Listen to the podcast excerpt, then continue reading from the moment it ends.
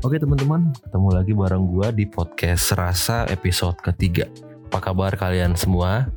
Semoga, oh ya, kalau udah masuk bulan puasa, eh, mohon maaf lahir batin. Semoga puasa lu semua dimudahkan, em, diberikan petunjuk tempat makan siang yang enak, em, diberikan bagi yang puasa sampai selesai diberikan makanan berbuka yang enak ketemu lagi di podcast episode ketiga.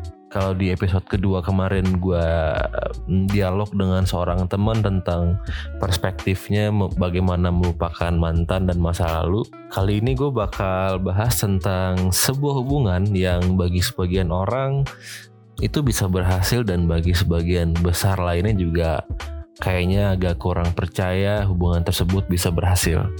Ya, bener kita bakal bahas long distance relationships atau LDR. Uh, mungkin di antara kalian ada yang lagi menjalani hubungan LDR atau ada yang sudah pernah mencoba kemudian gagal.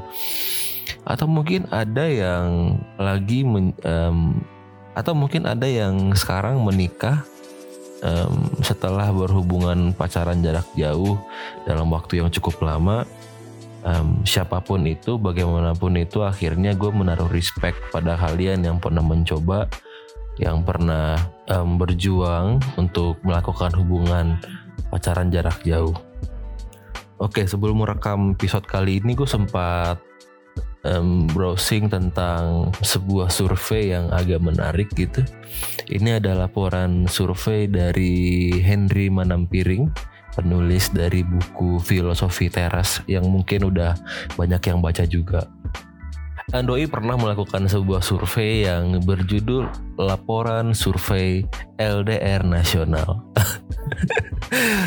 Gue pada saat ngebaca juga agak, ini gila ada yang survei secara serius loh coy. Dan respondennya itu sejumlah 1504 responden gila. Itu sebuah angka yang cukup tinggi menurut gue terhadap survei atau terhadap animo dunia per LDRan nah di awal dia bahas bahwa um, ada 44,1 persen orang yang pernah menjalani hubungan LDR, 42,4 persen yang sedang menjalani hubungan LDR, dan ada yang um, 9% itu belum pernah menjalani tapi ada juga 4% yang belum pernah menjalani tapi akan segera menjalaninya. Sedangkan untuk durasi LDR paling umum yang bertahan adalah uh, 6 sampai 3 tahun.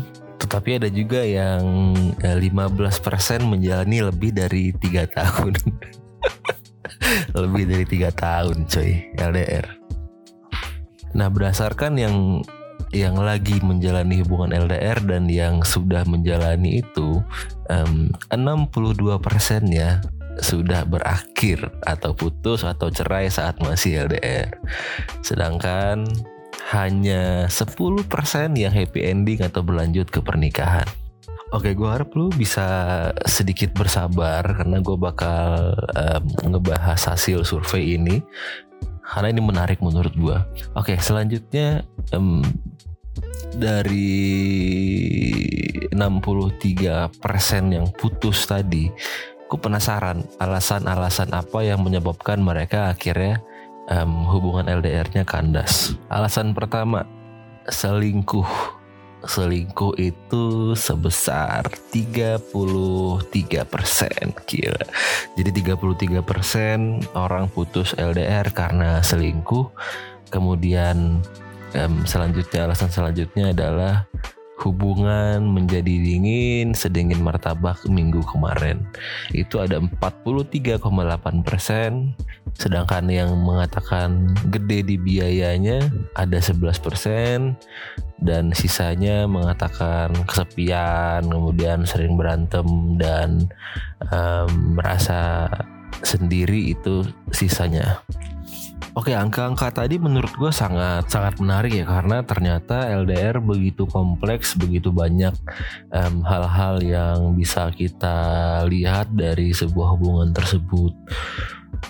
Um, karena podcast gue bukan podcast yang bertujuan untuk mengajarkan kalian, gue bakal sharing sedikit tentang pengalaman gue bakal sharing sedikit tentang pengalaman pribadi gue um, dalam menjalani hubungan LDR. Gue sendiri pernah menjalani hubungan LDR itu kurang lebih tiga tahun um, dan satu setengah tahun. Sisanya kita jalani di kota yang sama. Menurut gue LDR itu akan merubah beberapa hal dan itu nggak pernah mudah untuk dijalani. Uh, yang paling kerasa adalah uh, lingkungan yang udah nggak sama. Ketika lu LDR dan berada di kota yang berbeda, otomatis lu mendapatkan lingkungan yang nggak sama lagi.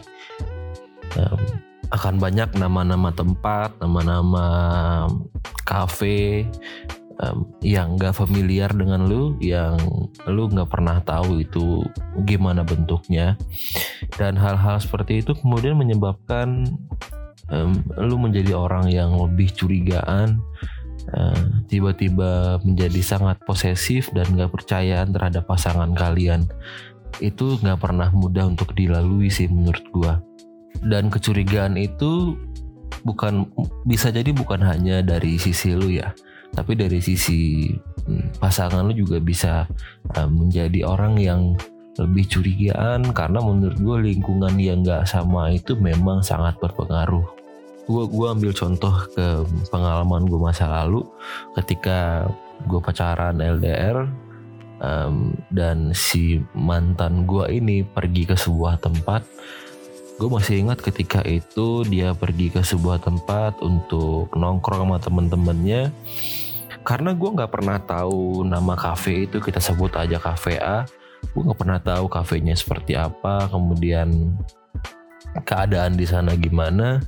Um, ketidaktahuan itu membuat gue menjadi uh, menjadi khawatir berlebihan ya. Dan biasanya ujung-ujungnya berantem selanjutnya yang menurut gue nggak bakal mudah dijalani adalah kenyataan bahwa lu punya pacar tapi lu tetap ngapa-ngapain sendirian lu tetap jalan sendiri, tetap nonton sendiri, um, kemudian lu merasa bahwa pasangan lu nggak ada di saat lu butuh, begitu juga dia, dia merasa lu nggak bisa bantuin dia ketika ribet dengan kuliahnya mungkin atau dengan kerjaannya mungkin, dan biasanya hal-hal seperti itu menyebabkan godaan dari orang-orang terdekat itu makin uh, makin gede dan peluangnya makin besar tiba-tiba lu memiliki seorang temen yang menurut lu bisa menggantikan posisi pacar lu yang lagi jauh. Pada awalnya lu merasa ya udah ini hanya sebagai seorang temen, tapi akhir-akhirnya lu terjebak di romansa yang gak bisa lu hindari. Nah itu sangat sering terjadi sih ya dan um, beberapa orang di lingkungan gue juga pernah mengalami uh, kejadian seperti itu dan ya akhirnya mereka nggak berhasil untuk menjalani hubungan lebih lama lagi. Selanjutnya yang beda adalah komunikasi ya. Komunikasi bagi orang yang LDR itu nggak pernah mudah sih, karena um, kadang lu udah capek dengan kesibukan, lu udah sibuk dengan lingkungan baru, dengan teman-teman yang baru. Biasanya kalau sepengetahuan gue orang-orang LDR itu akan mencari kesibukan sendiri ya. Dan ketika udah nyampe rumah lu cuma pengen istirahat lu pengen tidur pengen um, santai dan lu akhirnya menomorduakan komunikasi dengan pasangan lu. Dan sering banget hal-hal seperti itu berujung pada berantem lagi berantem lagi berantem lagi. Tapi selain tantangan-tantangan tadi gue juga merasa ada beberapa hal yang ada beberapa hal yang membuat LDR itu um, seru untuk dicoba ya ya beberapa hal seperti perasaan deg-degan lu saat-saat mau ketemu dengan pasangan lu um, dan ketika lo ketemu akhirnya lu menyadari bahwa um, pasangan lu itu ternyata jauh lebih cantik dari yang selama ini ada di bayangan lu. Gue sendiri sangat menikmati proses-proses itu ya, um, proses gue nabung, proses gue kerja untuk nyari duit beli tiket gitu untuk nemuin dia di sana. Gue sangat menikmati saat-saat gue nahan-nahan keinginan gue untuk belanja karena menurut gue ada prioritas lain yang harus gue kerjakan pada saat itu. Ya gue menikmati saat-saat um, nyari wifi yang bagus untuk Skype ya. Video call. Ya kirim-kirim kado atau kirim-kirim makanan gitu. Sebab menurut gue perjuangan LDR sih nggak sama ya dengan lu yang tidak LDR itulah hal yang menyebabkan kenapa bahkan setelah putus lu masih memiliki kenangan yang sangat erat dengan kota tersebut dengan kota tempat um, pasangan lu berada karena lu udah melakukan beberapa perjuangan gitu untuk untuk menemui dia di sana sekali tiga bulan atau enam bulan sekali. Dan lo bisa menikmati saat-saat lagi bareng dia melakukan hal-hal yang menyenangkan, lu bisa nonton konser band kesukaan lu, lu bisa jalan, lu bisa makan bareng dia, bisa dengerin cerita dia. Dan karena waktu kalian dibatasi mungkin hanya tiga atau empat hari, um, lu menjadi orang yang sangat-sangat menghargai waktu, sangat-sangat menghargai keberadaan dia selama di dekat lu. Yang seru menurut gue adalah ketika lu mengunjungi pasangan lu, um, ada beberapa lingkungan-lingkungan atau beberapa tempat baru yang kalian kunjungi dan otomatis memorinya tinggal di sana gitu. Oh ya satu lagi, ketika akhirnya lu bisa berkunjung ke tempat pacar lu berada, kecurigaan-kecurigaan terhadap tempat-tempat uh, yang selama ini akrab dengan dia menurut gue bisa sedikit berkurang karena lu udah melihat langsung bagaimana keadaannya. Anyway, LDR ternyata nggak seburuk itu. Masih banyak hal-hal baik juga yang bisa kita pelajari dari sebuah hubungan LDR.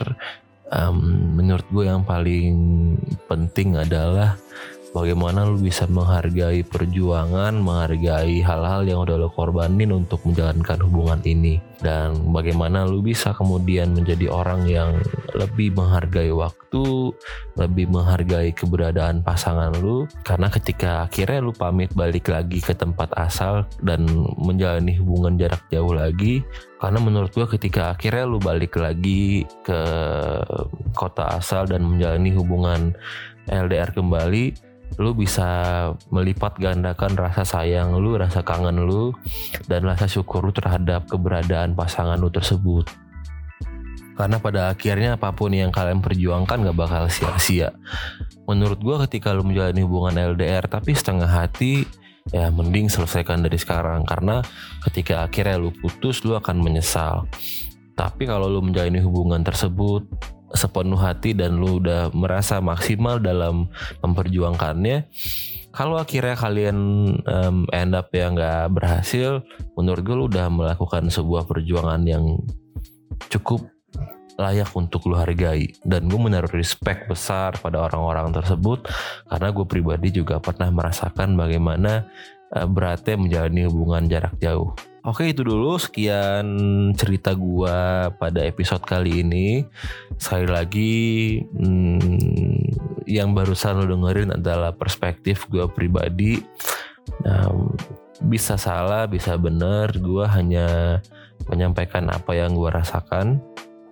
Dan bagi kalian yang sekarang lagi menjalani hubungan LDR, um, semoga berhasil selalu mencari jalan terbaik dari masalah-masalah yang lo hadapi dan yang udah kelar dengan LDR um, respect sir. Lo udah melakukan yang terbaik menurut gue dan gue doakan apa pun tipe tipe hubungan yang lu jalani sekarang lu bisa menjalani hidup dengan orang yang lu cintai. Karena menurut gue nggak ada yang lebih menyenangkan selain menjalani hidup dengan orang yang lu sayang cintai dan dia juga memiliki rasa yang sama dengan lu. Karena ketika lu udah memiliki soulmate yang benar-benar mencintai lu menurut gue hidup itu nggak bakal sulit. Minimal ketika lu kalah di luar lu disalahkan sama orang-orang di luar ketika lu ada ketika lu bareng dia lu nggak bakal merasa kalah. Oke sampai ketemu lagi di podcast selanjutnya. Um, Bagi yang ingin memberikan saran tentang bahasan apa Boleh DM gue di Instagram. Um, Semoga hari lu menyenangkan.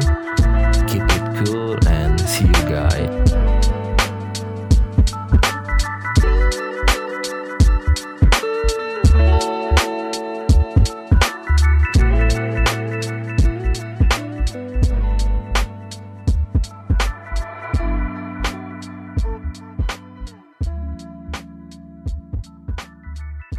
Yeah.